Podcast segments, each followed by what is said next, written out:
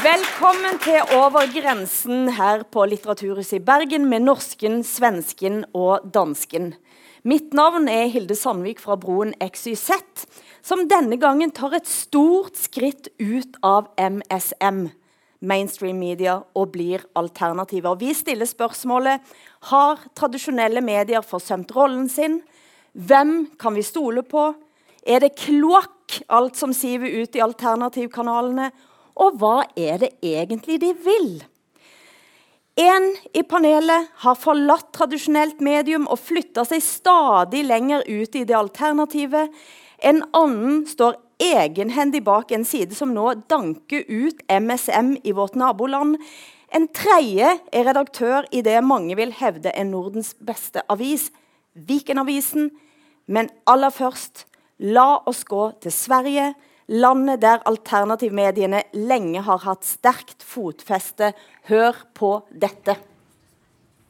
Vi får inn våre tanker og ideer gjennom å gjøre bildmemer, gjennom å eh, gjøre videoer, gjennom å podde, gjennom å skrive artikler. Uh, det kan være veldig kompliserte tankeganger, men det kan være veldig mye enklere tankeganger. Anser du at man burde terrorstemple nazistorganisasjoner, er frågan. Ja rimligt, som sagt. Jag vill påverka folks sätt att tänka på.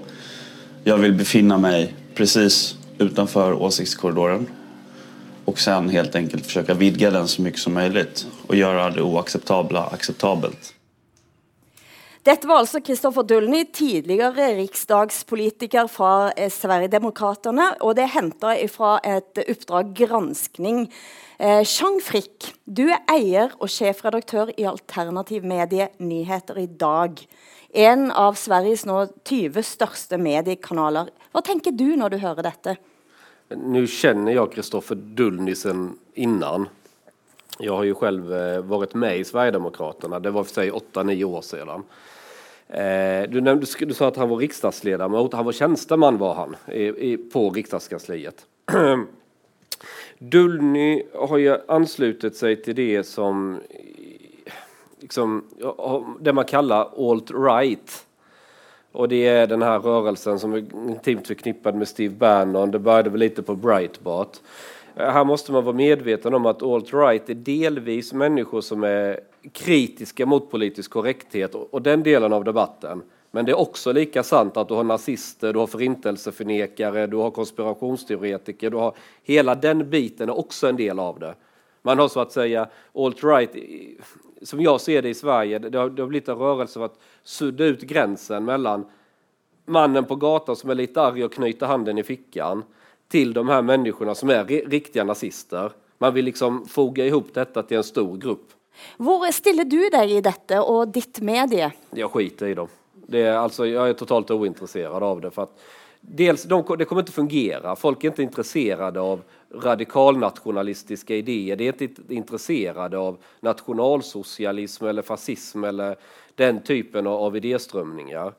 Men eftersom vi har et veldig polarisert samfunn i Sverige, jeg skulle si extremt polariserat, så det finns i alla samfund, även i Norge, Sverige eller i Danmark, så hittar du alltid någon liten idiot här och var som tenker at ja, vi behøver en ny Hitler. Det er nog en bra idé. Förstår du? Och då tror de at eftersom vi har mange mennesker som er missnöjda så kommer de börja lyssna på meg. Kan, ja, ja. kan du, altså, hvor plasserer nyheter i dag seg? Og liksom, kan du gi en lite riss for norske og danske eventuelle lyttere om hvordan alternativmedielandskapet ser ut? Oi. eh, frågan er Frågan är om termen alternativa medier egentligen är meningsfull på ett sätt. Bland våra läsare uppfattas vi inte som alternativa. Det ser oss som vilken media som helst. Svenska journalister har ett jätteproblem med mig. Men det är en liten, liten extrem grupp i, i, i svenska samhället. Inte alla journalister, men, men, men många av dem.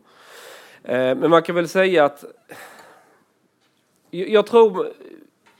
Hade, vi er nog ganske lika i tonalitet og sett å beskrive saker, problemformuleringar, problemformuleringer, kanskje som Vikendavisan. Men i Danmark er et mer liberalt samhälle. Er det en etablerad tidning vilken som helst. I Sverige så vill man få inn det i ett fack som er alternativt eftersom vi skriver om det som journalister Alltså, nu, nu, nu raljerar jag lite, men de, de, flesta journalisterna faktiskt inte vill ta i i Sverige. Så det, det är lite, det blir väldigt konstigt. Eh, vi har liksom ingenting gemensamt med alt-right till exempel. Det är helt ointressant för oss.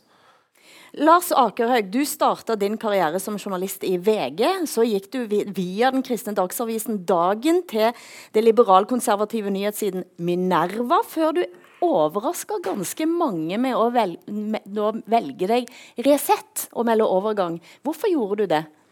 Det handler jo mye om de tilbakemeldingene som jeg får som redaksjonssjef da, i, i Resett. Uh, hva skal vi si vanlige mennesker uh, som kommer bort til meg, som snakker til meg, som skriver til oss og, og forteller oss om det vi betyr for, dem, for dem fordi vi, de opplever at, at vi gir en stemme til mennesker som hele tiden blir fortalt at uh, meningene deres er noe dritt.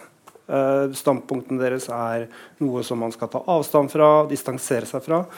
Uh, og vi velger å si, se på saker i nyhetsbildet med andre briller, andre vinklinger. Og vi velger også å gi plass og rom til andre meninger da, enn det du finner i de etablerte mediene. Kunne du ikke like godt gjøre det i Minerva? Jeg tror det blir eh, vanskelig å sammenligne Resett og Minerva. Minerva er et eh, nokså lite nettmagasin som skriver for en liten intellektuell eh, nisje. Resett er allerede etter eh, ett og et halvt års tid eh, veldig mye større. Eh, så, så, det blir to helt forskjellige ting. Som ikke helt kan sammenlignes. Hvordan vil du forklare for svensker og dansker det norske alternativmedielandskapet? medielandskapet? jeg er egentlig heller ikke så fryktelig glad i dette begrepet alternative medier. Sånn som jeg ser det, så har jeg vært journalist eh, hele mitt uh, yrkesaktive liv. Og jeg uh, syns ikke forskjellene er så stor eller så radikale som det våre meningsmotstandere skal ha det til. Uh, men det er helt klart at det finnes noen medier i Norge som ser på hva skal vi si, nyhetsbildet med, det, med andre blikk da, enn det du finner i de etablerte mediene. Det er jo da nettaviser som Resett, Dokument, Rights.no, og også for så vidt uh, steigan.no, som er en, uh, et nyhetsmagasin som har bakgrunn fra den radikale venstresiden. Uh, det handler nok om, det, nok om altså det er mange grunner til at vi har disse mediene, og at de er blitt såpass store i det norske samfunnet. Hvor store er de nå? Altså, hvor, altså, hva vil du, hva er, jeg har sett tall og hørt tall, men hva er egentlig Resets altså, leserskare? Vi har sånn uh, ca. Uh, en halv million lesere, unike brukere, da, som er det vi måler i måneden. ligger på sånn 40 000-80 000 unike brukere daglig, helt avhengig av uh, mediebildet. og uh, Det skrives jo veldig mye om Resett i de etablerte mediene, så det trekker lesere til oss. Uh, og Et dokument er vel nest størst, og så er disse andre nettavisene litt mindre, men vil ofte komme veldig høyt da, over listene på antall over disse listene som finnes over delte saker. For Der er jo da disse såkalte alternative mediene eh, ofte mye større enn det de etablerte mediene. Men det er jo nok gang på gang kontroverser rundt Resett, og senest nå i påsken, der det var en Twitter-storm eh, som òg kom over eh, i de tradisjonelle mediene. Da altså statssekretær Sveinung Rotevatn advarte annonsører mot å annonsere for dere. Og la oss eh, høre på det, et lite utdrag fra debatten som er sendt 25.4 i år. Men jeg syns det er en ganske viktig ting i et demokrati at en klarer å skille mellom det som er journalistikk og det som er politiske kampanjer.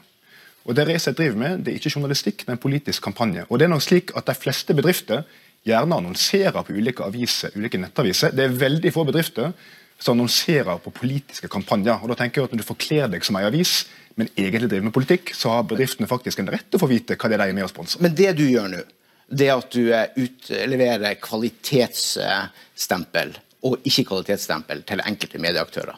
Eh, det er ingen tvil om at eh, Resett per definisjon er en medieaktør. De deltar i det frie ordskiftet, de har egne artikler, mange leser dem.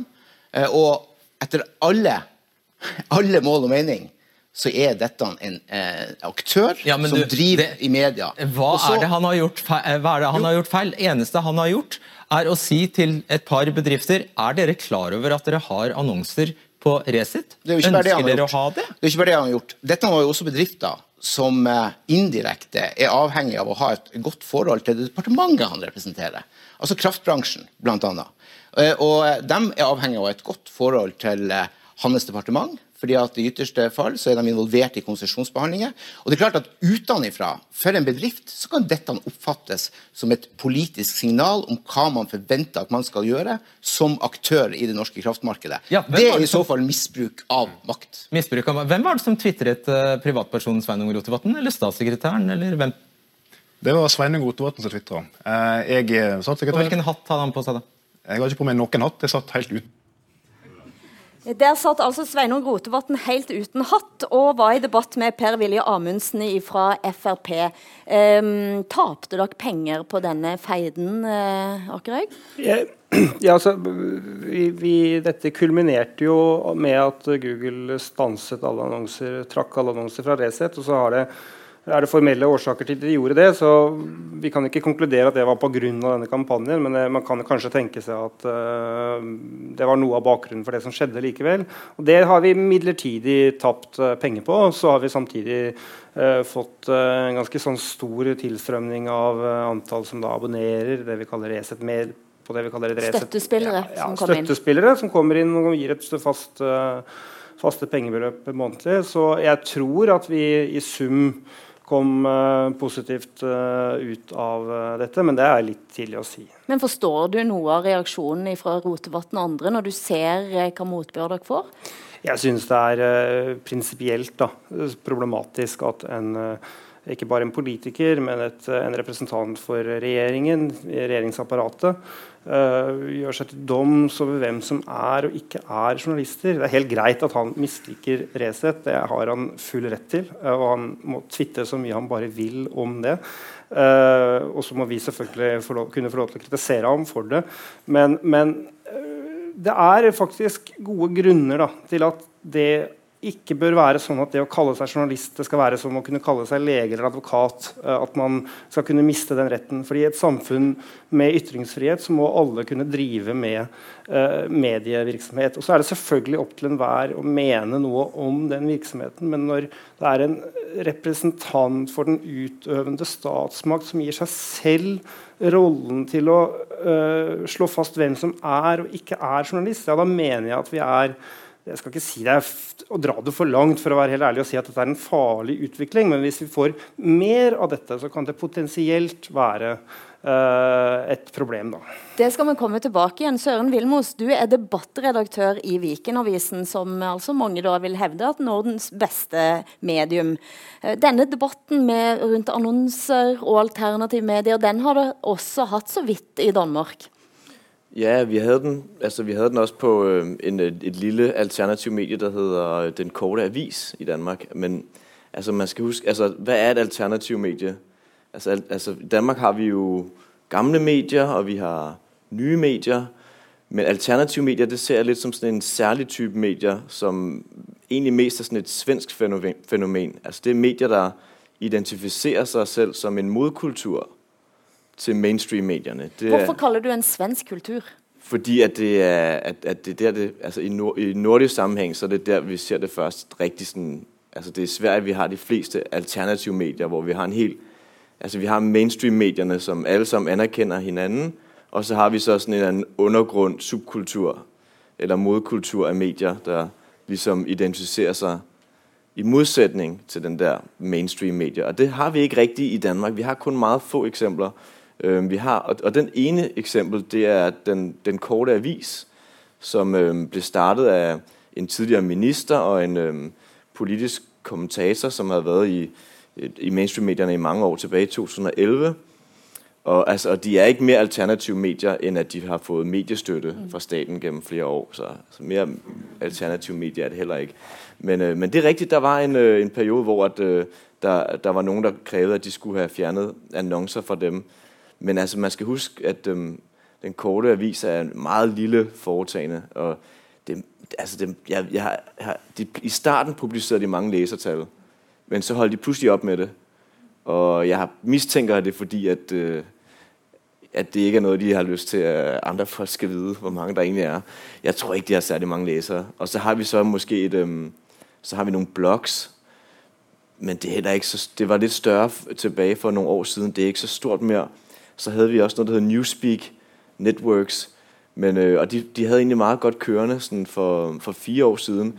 Men så efter, øh, efter valget i øh, USA i 2016, der ændrede Facebook deres algoritmer. Og, og så var det som om, at ingen så, så det der Newspeak mere. Så, så var det ligesom bare væk.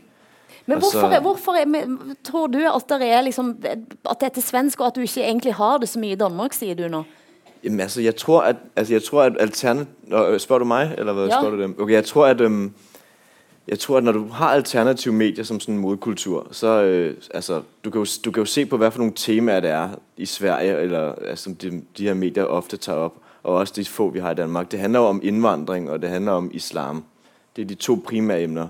Øhm, altså, i, i, i, i den danske presse har vi bare har vi dækket de emner gennem mange år. Altså det gjorde, har vi gjort i 20 år. Vi tog et opgør tilbage i 1999, dengang hvor, øh, den danske tabloidavis Ekstrabladet havde en kampagne, der hed De Fremmede, mm. hvor man lavede en lang kampagne med alle mulige historier om indvandringens både positive og negative sider. Og dengang der vagte et kæmpe opsigt, og folk var meget rasende. Men det er som om, at efter det, så var det bare ligesom, så var innvandring og islam var liksom normale emner, som alle andre journalistiske emner. Og det har liksom gjort, at der ikke har vært det her efterspørsel efter noen der kunne dekke de her emner. Og det har du, du har bare ikke helt sett det samme i Sverige. Øhm, Ja, også, og det er jo sånn også, i hvert fall, det er mye oppmerksomhet i norske medier rundt våre aksjonærer og at de er så rike. Men så er det jo også sånn at eh, jeg tror ikke jeg avslører noen stor hemmelighet når jeg sier at de som går inn og kjøper aksjer i Resett, de gjør det jo med en, med en tanke om at vi på sikt skal tjene penger. Og når det er et marked for et medium som Resett, så handler det jo om, tror jeg, da, fraværet av denne relativt åpne holdningen til spørsmål knyttet til innvandring og integrering, som jeg oppfatter at finnes i, i det danske samfunnet. eh, Med aviser som ja, Du har Viken-avisen, som er en veldig intellektuell avis, men som likevel tar opp disse sakene. Og så har du aviser som Jyllandsposten, som sant, har markert seg eh, sterkt i mange, mange, mange år. Og du ser også, som du er inne på, at disse spørsmålene det er ikke like betent eller like vanskelig å problematisere eh, saker knyttet til innvandring eh, og integrering i eh, de store mediene da, eh, i, eh, i Danmark. Og da, det, da blir det selvfølgelig også mye vanskeligere sant, for, for nye medier. Mens i Norge så kan altså en nettavis som Resett med veldig små ressurser egentlig eh, så er vi allerede i ferd med å bli større enn f.eks. Dagsavisen, da, som er en stor, relativt mellomstor norsk avis. Men, men hva saker er det Resett eh, har som du mener at med, tradisjonelle medier ikke har dekka? Hvis du skal peke på konkrete saker som dere har hatt. Jeg kunne jo snakket lenge om det, selvfølgelig, men eh, Nå, vær konkret. ja, for eksempel så har vi intervjuet en eh, rekke anonyme politibetjenter i Oslo nå gjennom eh, eh, lengre perioder, og de beskriver, hvor de beskriver en virkelighet på bakken som vanlige politifolk opplever, og som er helt annerledes enn den virkelighetsbeskrivelsen vi får når vi hører på eh, toppene fra Oslo-politiet. Et annet eksempel var dek dekningen av eh, FNs såkalte migrasjonspakt, som det var Resett som eh, begynte å omtale, og som det var Resett som gjorde til en nasjonal sak. Vi tvang på mange måter politikerne til å forholde seg til den saken, og den ble etter hvert også debattert i de etablerte mediene. Og Sånn kunne jeg fortsatt, men poenget er, er at uh, disse sakene viser, og responsen vi får, da, uh, også om andre temaer som klima f.eks., viser at her er, finnes det en etterspørsel. Det finnes eh, et ønske om å lese den typen journalistikk, og de får det i, ikke på samme måte i hvert fall dekket i andre medier. Frikk, kjenner du igjen eh, Vilmos sin beskrivelse av det svenske kontra det danske her? Han er litt forsiktig når han beskriver Sverige skulle jeg si. Det er mer ekstremt. Hvordan er det i Sverige?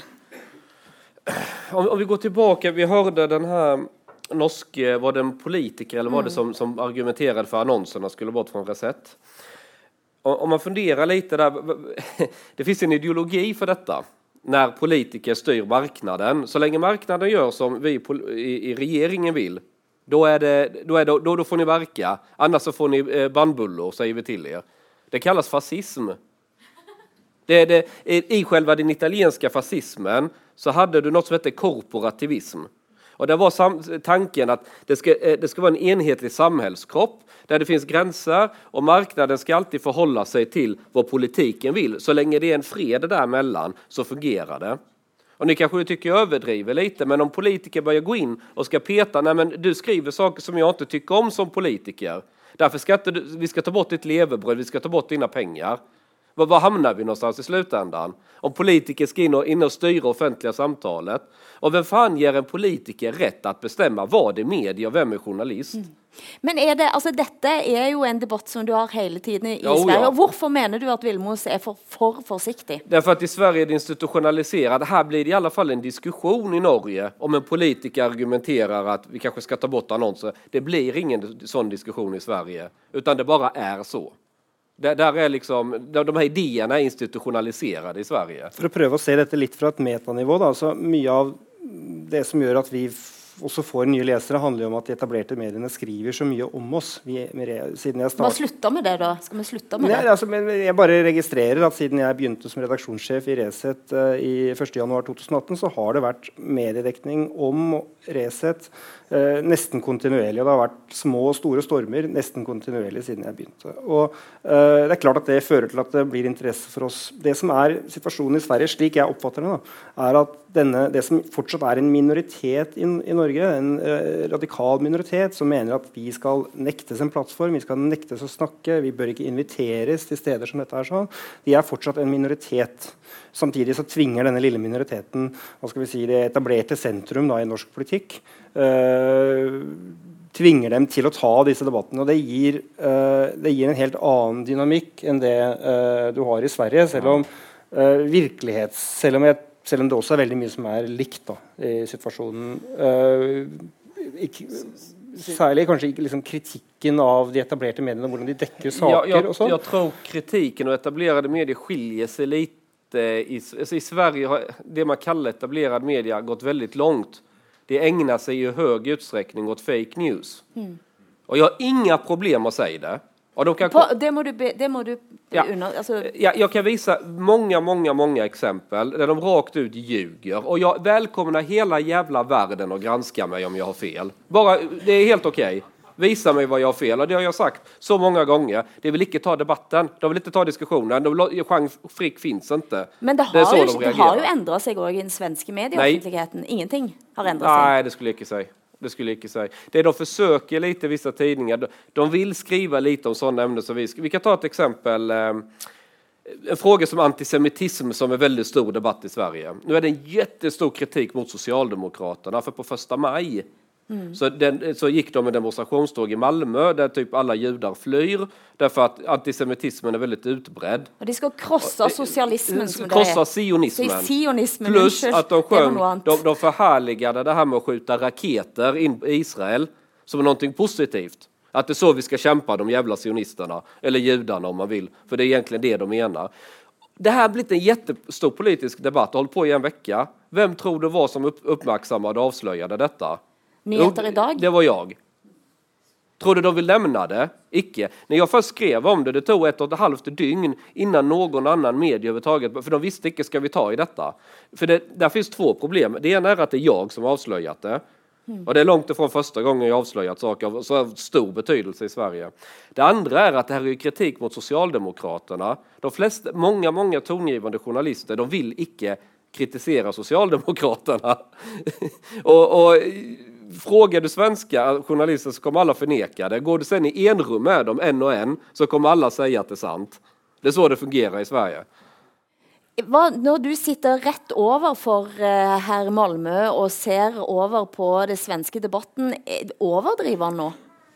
Altså, det, altså, det, skal jeg jo ikke avgjøre. Jeg, jeg, jeg lever ikke i en svensk offentlighed. Øh, Jeg tror, jeg tror at, at chanceoplevelser er, er rigtigt nok. Øhm, øh, altså jeg, når jeg oplever i Sverige, så er der, er der en helt anden konsensuskultur end i Danmark. Altså folk er meget opsat på, at når de er i et lokale sammen, så er vi alle sammen enige. Og så, skal man ligesom, og så har vi nogle grundlæggende holdninger, som vi så kan, kan øh, øh, konkurrere med hinanden om, hvem der vil gå længst for at forsvare. Mm. Øh, og, men så, og så når kameraet er stukket, og man går ned og står med hinanden nede ved baren, så begynder alle de forskellige holdninger først at komme frem. Det er som om, at i Sverige der er det som om, der er sådan to, altså to der er sådan offentligheden, og så er der sådan den, den semi, altså, der er altid sådan to offentligheder i Sverige. Der er den private og den offentlige offentlighed. Og det er, sådan, og det er, det er bare to forskellige scener.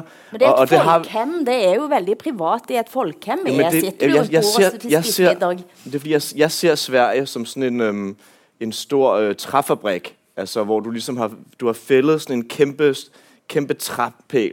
Og så skal vi alle sammen løfte den her pæl. Ikke? Og det betyder, at vi alle sammen skal gå på samme række. Og hvis der er en, der løber den anden rette, så er man, har man ligesom, så, øh, øh, så er man usolidarisk, så øh, ødelægger man det her fælles projekt. Øh, så der er sådan meget kollektiv ensretningsideologi i Sverige, som du bare ikke har i Danmark på samme måde. Um, og jeg ved ikke, hvorfor den præcis er sådan, men sådan er det bare. Så... Har du noen tanker om hvorfor det for eksempel er sådan i Danmark? Hvis du skal ja, altså jeg tror, så, skal vi, så bliver det meget historisk. Øh, jeg tror, at uh, en af grundene er, at i Danmark er, er vi bygget op af mange små, selvstændige bønder og handelsdrivende, som uh, altså eliten i Danmark den, hvis den har fået alle mulige skøre idéer, så er der gået fem minutter, så har folket stået og banket ud på døren og vil have nogle svar omgående. Ikke? Mens i Sverige, der har du sådan en, en adelstand og, og, og store, øhm, store virksomheder, som har ligesom eksisteret i Stockholm med stor afstand fra de almindelige mennesker. Det har været lettere at regere, og folk har været længere på afstand, og det, det, det går lang tid til, øh, langt tilbage i historien, tror jeg, det her. Det er en meget dybt folke, folkeånds øh, mellem Danmark og Sverige. Vi kan jo ikke ha eh, et program om alternativmediene og snakke om Danmark uten òg å nevne den mannen som hele Danmark i øyeblikket er helt besatt av, ja, ja. nemlig Rasmus Paludan. Eh, kan du si litt om hvem han er, Vilmos? Jamen altså, Rasmus Paludan han er en meget øh, merkelig fyr. Han er en, øh, en underlig sådan, cirkusklovnsagtig karakter. Øh, han han er jo jurist. Han, altså, for å forstå Rasmus Paludan, så skal man forstå, at uh, i Danmark, den yderste højrefløj, den består ikke av nazister. Vi har ikke rigtig nogen nazister i Danmark. Vi har snarere nogle uh, typer, eller Mogens Glistrup, som jo I nok også måske kender her i Norge, fordi det var ham, der startede Fremskridspartiet i Danmark, som jo også har i sted, som stadig eksisterer i Norge, og det er for længst væk i Danmark. Um, og, um, men Paludan er ligesom en ny Glistrup, øhm, han startede, altså han startede oprindeligt i øh, det radikale venstre i Danmark, som er et meget politisk korrekt, hvor han, øh, hvor han, hvor han var, var meget sur på USA på grund af Irak-krigen, og så senere så begyndte han at, som jurist at tage billeder af cyklister, som kørte over for rødt, og så lagde han dem op på en hjemmeside. Og så, øh, og så hans nye, så da, da det heller ikke fik nok opmærksomhed, så startede han en YouTube-kanal, hvor han så begyndte at ville gå rundt og, og, og ødelægge Koranen foran øh, ghettoområder, eller stå og råbe til indvandrere i, i hårdt belastede områder, at de skulle smutte hjem, hvor de kommer fra. Og det var en meget populær øh, YouTube-kanal, med primært blandt øh, børn og skoleelever, som øh, synes det var enormt sjovt at sidde og diskutere med Rasmus Paludan i kommentarsporet, eller invitere ham ud til deres skole. Og det var egentlig lidt sådan et, et, øh, subkulturelt fænomen, øh, som, som faktisk var ved at dale lidt på YouTube. Men så her for øh, to måneder siden, lige ved siden af, hvor jeg bor, og jeg var der lige da det skete, så øhm, kom han ned på øhm, lige, lige ved siden af mig for at øh, ville kaste med en koran. Og, øh, og så gik mit kvarter, det er så Indre Nørrebro i København, er, et, øh, er der mange indvandrere, der er mange meget venstreorienterede, og helt, det sidste, altså helt tilbage siden 80'erne har det været et sted, hvor man øh, har kæmpet mod politiet og, og brændt ting af, hver gang man var sur over et eller andet. Og det var så det, der skete der. Så indvandrere og, og radikale venstreorienterede og bander i sig, altså de begyndte at, at brænde hele kvarteret af, og, og så pludselig så gik Paludan for at være sådan en obskur øh, YouTube karakter til å være en, som alle talte om. Og partileder. Ja, ja, altså han, han, i Danmark skal man have 20.000 erklæringer for å kunne stille opp til Folketinget, og hans lå sådan nede omkring 4.000, 3.000, og så i løpet av to dager, så øh, efter det der oprør, så var han pludselig klar til Folketinget. Og nu, op, uh, nu kører han på et program om uh, ren etnisk udrensning, og han vil fjerne islam fra jordens overflade. Og, uh, og det kan ikke gå hurtigt nok. Og, altså, altså twi dansk Twitter handler ikke om annet enn Rasmus Paludan. Nei, ikke bare dansk Twitter, men òg dansk mainstream-media, vil jeg si. Og da jeg landa i København altså 14. april, Ja. eh, så ulte det sirener gjennom absolutt hele byen. Og vi våkna opp til det brant på absolutt hele Nørrebro. Og så la han ut denne filmsnutten. Eh, der vi ser Rasmus Paludan eh, komme opp på plassen. Han begynner ofte sine taler med å si at han er en ekte dansker og patriot, og, og, og han skal snakke. Eh, og vi har altså et lite klipp her fra 14. april i København. På Blågårdsplass i Nørrebro. Jeg er Rasmus Paludan, frihedens soldat, de svages beskytter og samfundets vogter. Danernes lys, sjælefredens kilde, Nordens håb, sandhedens sendebud, fredens skaber og partileder for Stram Kurs. Og jeg står nu på Blågårds Plads i København på Nørrebro, en bydel, som har været hervet af bandekrig mellem blandt andet Loyal to Familia og Brothers. Men det ændrer ikke på, at øh, dagens tema er sådan set hverken LTF eller Brothers. Nej, dagens tema er Omar El-Hussein, denne søn af en luder, denne klamme, klamme terroristiske morder. Til evig skam over ham vil vi også spille femkoran og brænde den store luderbog Koranen af. Alt sammen nødvendigt på vejen mod et endelige mål for Danmarks overlevelse, og Danmarks overlevelse vil vi øh, opnå, og når vi har opnået det, vil vi have opnået vores endelige mål, som vi nu vil minde om ved at vise V-tegnet og ytre sejr. Her kaster han altså eh, Koranen opp i været, som han kaller den danske lud, altså Ludderboken, som han kaster opp. Og her er det store oppstand, og folk begynner å springe. Og så sier han til kameramannen altså eh, Følg med her, følg med her. Så blir eh, folk lagt i bakken, og, og, og dette fortsetter da altså på, på film. Eh, I time etter time, uredigert, eh, så er det dette altså eh, som skjer. Og hvilken rolle spiller alternativ med i YouTube-kanalen her, altså? Altså, den spiller jo selvfølgelig den rolle, at, at de, alle de folk, der kommer og suger på Rasmus Paludan, de har jo kjenner ham fra YouTube. Men, den, altså, og det er jo derfor, de kommer og, og lager oprør.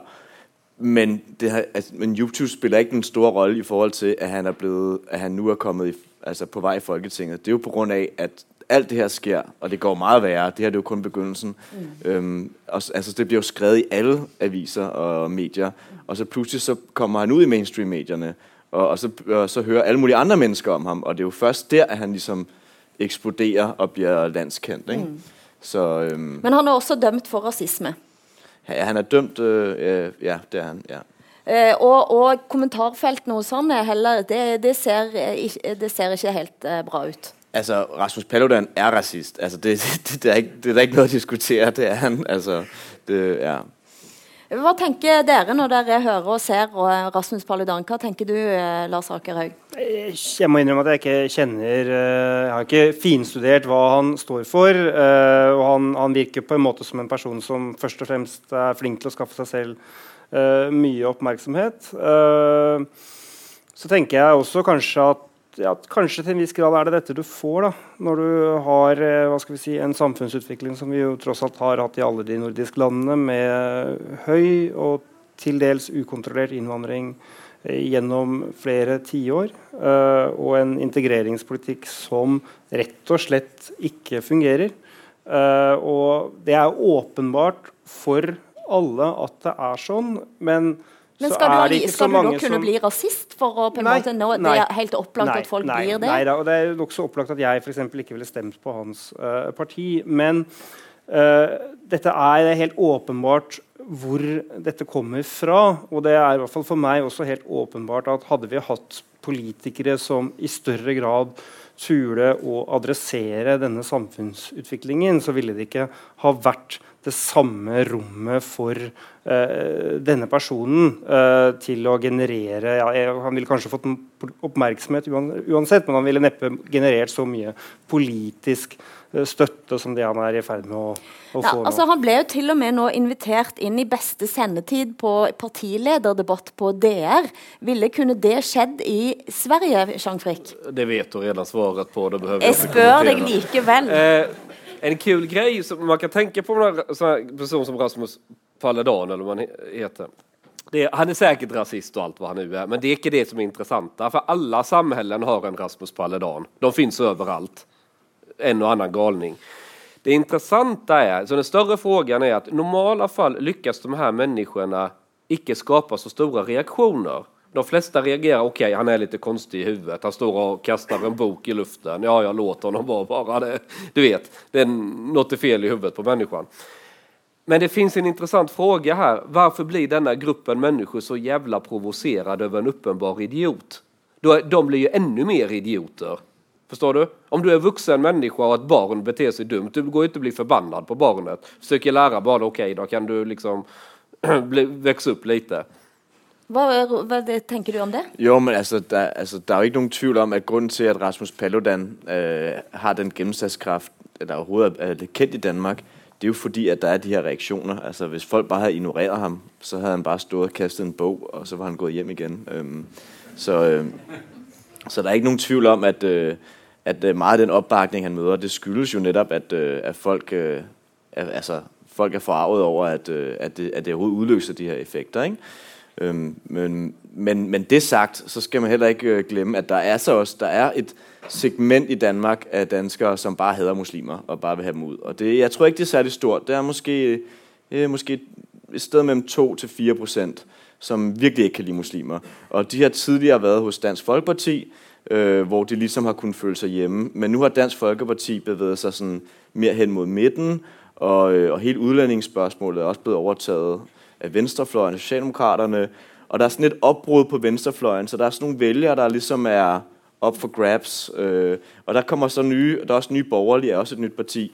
Altså der er sådan en kamp om de her vælgere på en måde, som der ikke har været før, og det betyder så bare, at, øh, at, at, at, at, at som jeg ser det, hvis du er meget ekstrem og meget direkte, og meget øh, ufiltreret i hele din stil, jamen så taler du til det her segment. De kan godt blive sådan nogle folk, som, øh, som ikke pakker tingene ind, og, og så kan det godt være, at de måske lige siger, at vi skal, at vi skal smide alle, der ikke har to etnisk danske bedsteforældre ud af landet, og fjerne islam fra jordens overflade. Det er måske lidt for meget, men altså, det er heller det end det andet.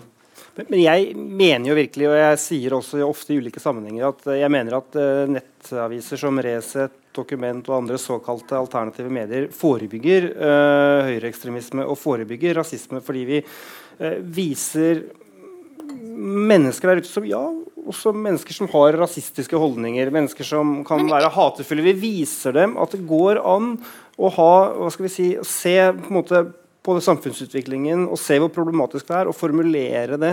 hva skal vi si, Finne argumenter og formulere argumenter uh, på andre og mer konstruktive måter. Det går an uh, å være innvandringsskeptisk. Det går an å slå fast at integreringspolitikken er feilslått. Det går an å være skeptisk eller kritisk til islam uten å være rasist. Men, hvis du, ser, hvis, du da ser i mm. kommentarfeltene ja. hos Resett mm. Eh, eh, jeg fulgte med den dagen det var stort oppslag om Sumaya Jirda Ali, som er eh, muslimsk debattant, somalisk, norsk. Og i det kommentarfeltet så sto det veldig lenge at denne damen skulle bare settes fyr på. mener du da at Resett er med å demme opp mot rasisme? Eh, ja, jeg mener faktisk det. Men jeg mener ikke, selvfølgelig så har det, vært, har det blitt publisert kommentarer på Resets kommentarfelt som ikke skulle ha blitt uh, Men en kunne publisert. tenke at det var med på å piske stemningen og legges, ikke roe ned? Det legges ut mellom 2000-4000 kommentarer på Resett daglig. Det er mange kommentarer som blir eh, moderert vekk. Uh, det skjer dessverre menneskelige feil. Uh, det vil også være litt ulike vurderinger hos de som sitter og modererer. Det er noe vi jobber med kontinuerlig med. Og vi har beklaget også en del av disse formuleringene knyttet til akkurat til eh, Irde Ali. Men samtidig så mener jeg også faktisk, selv om det, jeg vet at det er kontroversielt, men jeg mener også at vi til en viss grad må tåle å høre meninger eh, som du og jeg oppfatter som ubehagelige. Vi må tåle mm, å høre ytringene til sånn som denne danske politikeren. Uh, selv om det er mange av de tingene han sier uh, jeg vil distansere seg, uh, meg fra, så, så, må vi likevel gi ham og andre en mulighet til å ytre seg. Jeg mener ikke at ytringsfriheten står og hviler på om aviser har kommentarfelt eller ikke, men for oss så er det viktig. Vi ønsker å utvide rommet for ytringsfriheten i Norge. Og da mener vi at det å gi eh, hva skal vi si, alminnelige mennesker som ikke vet hvordan man formulerer seg for å få et leserinnlegg på trykk i Aftenposten eller Klassekampen, en mulighet til å ytre seg, det er en bra måte å legge til rette for mer ytringsfrihet på. Tror du det, debattredaktør Vilmos? Ja, altså jeg vil sige, hvis du, hvis du skriver, at nogen skal sættes ild til, så det er jo en trussel, og trusler er dårlige for ytringsfriheden. Så lige præcis sådan noget der vil jeg aldrig forsvare, men ellers så, så er jeg helt enig. Altså, jeg, jeg, jeg synes også ofte, at, øh, at der er alt for meget fokus på, hvad der bliver skrevet i, i kommentarsporene til ting, og det er ofte noen redaktører, der taler med meget sådan bekymrede miner om at øh, se nu, og vi har et ansvar, og nu kommer vi til at påvirke det hele. Altså, vi har på, i Danmark har vi øhm, Ekstrabladet, som jeg nævnte. De, de har noget, der hedder Nationen, hvor at øh, brugerne bare har kunnet øh, skrive, hvad de mener, og det har de gjort i mange år, og det er virkelig, altså det, det er blevet omtalt meget som sådan en kloak af, af menneskelig had og, og vrede. Men jeg kan ikke se, at det har, altså, at det har gjort noget, noget dårligt. Altså så går de derind, og så raser de ud i en halv time, og så går de ud og spiller fodbold eller et eller andet. Den här har ju funnits väldigt mycket i Sverige också med kommentarsfält. Men även om du tar bort kommentarsfältet så finns ju åsikterna kvar i samhället. Det enda man har gjort är att man har försökt gömma dem och stoppa undan det. Och så låtsas man att det inte finns, för vi, vi, vi tittar åt ett annat håll. Och det är svenskar, de har, de har svart bälte i den konsten. En annan sak också är att om vi sätter en praxis att säg det är någon hatfull kommentar på Reset eller på Weekendavisen eller vad det kan vara och så ska Weekendavisen lastas för den kommentaren. Ja, men då jag den första gå in på vg.net och bara skriva Heil Hitler i varenda kommentarsfält jag hittar så kan vi se om det funkar logiken där också då. Är du med? Alltså, någonstans måste, det måste vara ett individuellt ansvar. Mm. Det är individen som gör saker. Du kan ikke belasta, I Sverige gjør man det, det elsker man å tenke kollektivt. Men, men det funker jo ikke i, i lengden. Du får inget samtale av det. Du har sagt bl.a. til Svenska Dagbladet i en eh, interessant samtale som du hadde med Stina Oskarsson, eh, teaterregissør, mm, mm, som, som, ønsker nettopp å bringe samtaler inn med kontroversielt synspunkt. I et svensk kontekst kanskje litt spesielt. Eh, men der sier du bl.a. at mediene får gjerne snurre seg inn i fine vurderinger. Det kommer at gå åt helvete, men da kan jeg tjene penger i stedet på deres dumheter. Mm. Problem solved. Mm. Det enda som er farlig, er om de lykkes lobbe for mer autoritære lager. Det så vi nå med skatten til public service. Jeg ser mye vel at det fantes et behov for at public service når det startet. Det siden kom internett. Det har aldri vært lettere å spride informasjon til høyre og venstre. Og så får du spørsmålet men det er òg lettere å spride falsk informasjon. Og Husker du hva du svarte? Jeg sa at det er bra med falsk informasjon. Det är som när du vaccinerar dig så får du en liten dos skadliga bakterier.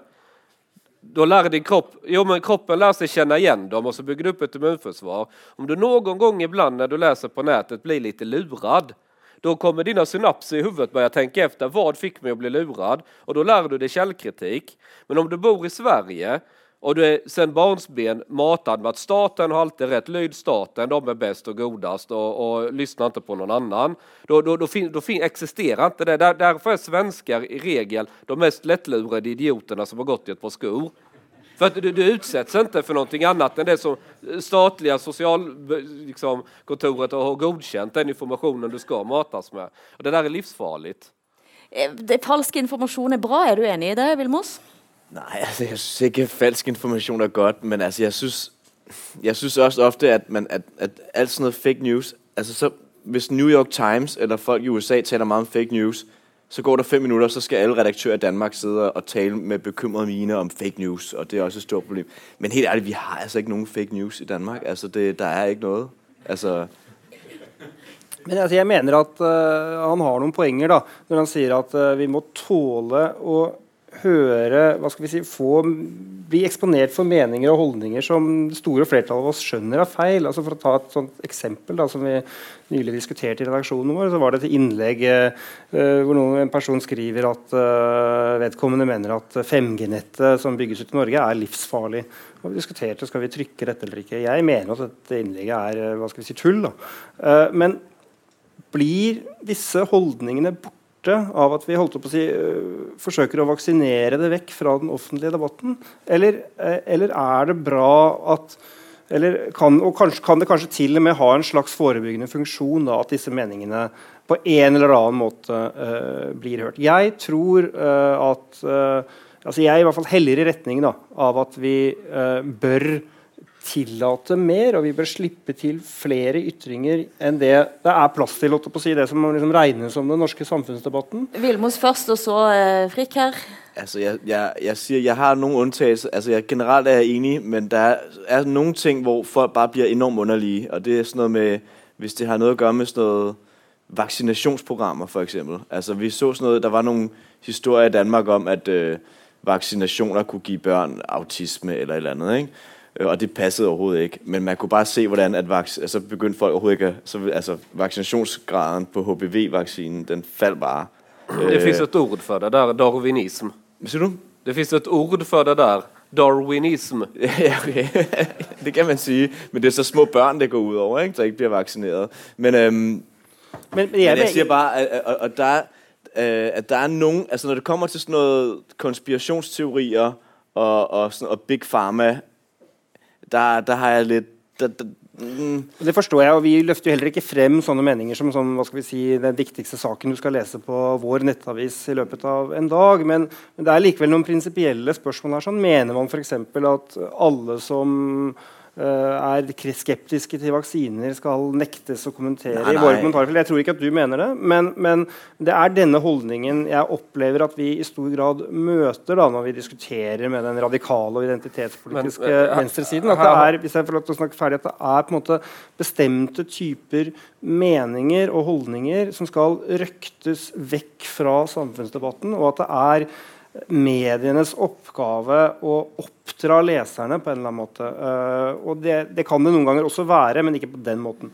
Men just at en sånn sak med vaksinasjonsdebatten enda kan ta så fart, og, og folk er så dumme så de tror at nei, jeg skal ikke vaksinere meg, for det er farlig. Det var, det var liknande idiotgrej i Sverige om kolloidalt silver, eller hva det var som snurrade på Facebook.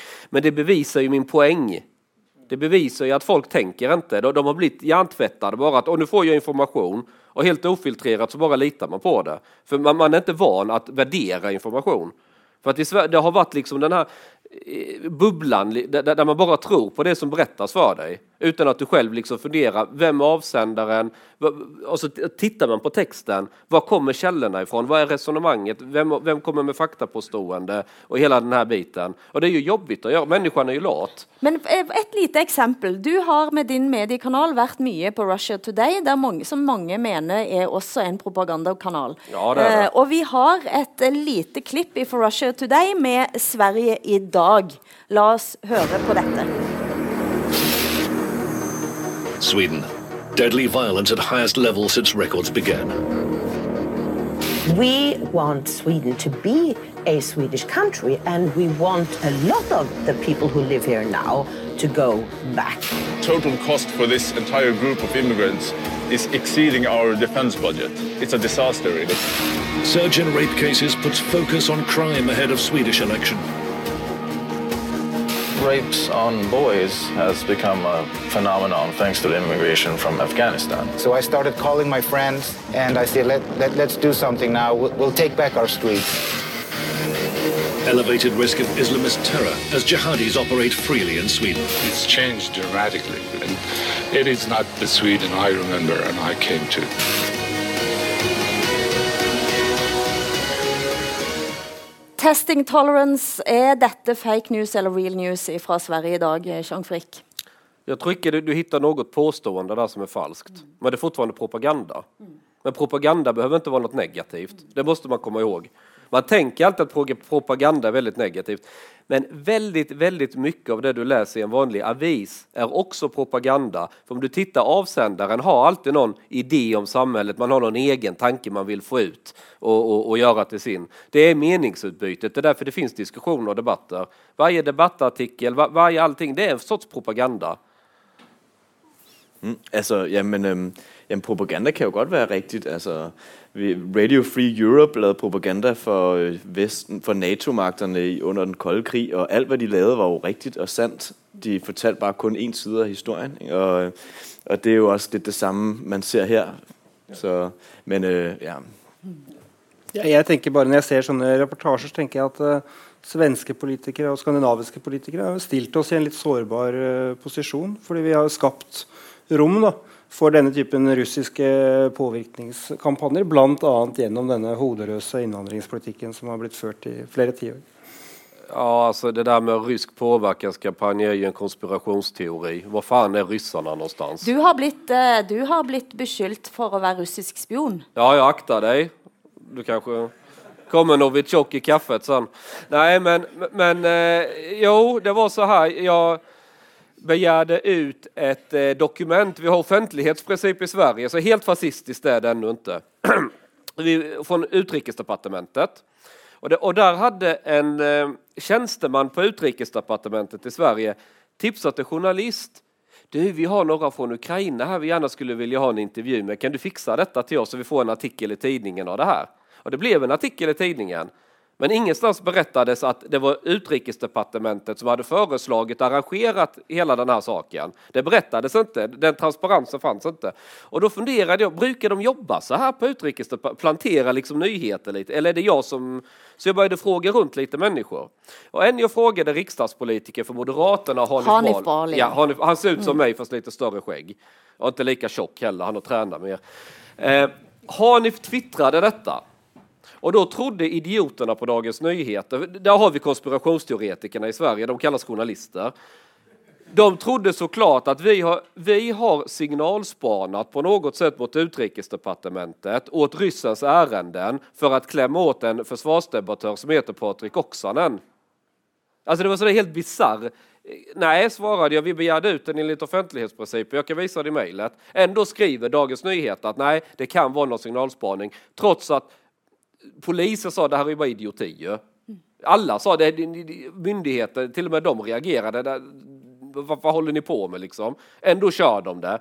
Så att det, det, det är någon slags, de vill, I USA har det pratats jättemycket om rysk påverkan och då vill man, svenskar är lite efterblivna i det offentliga samtalet.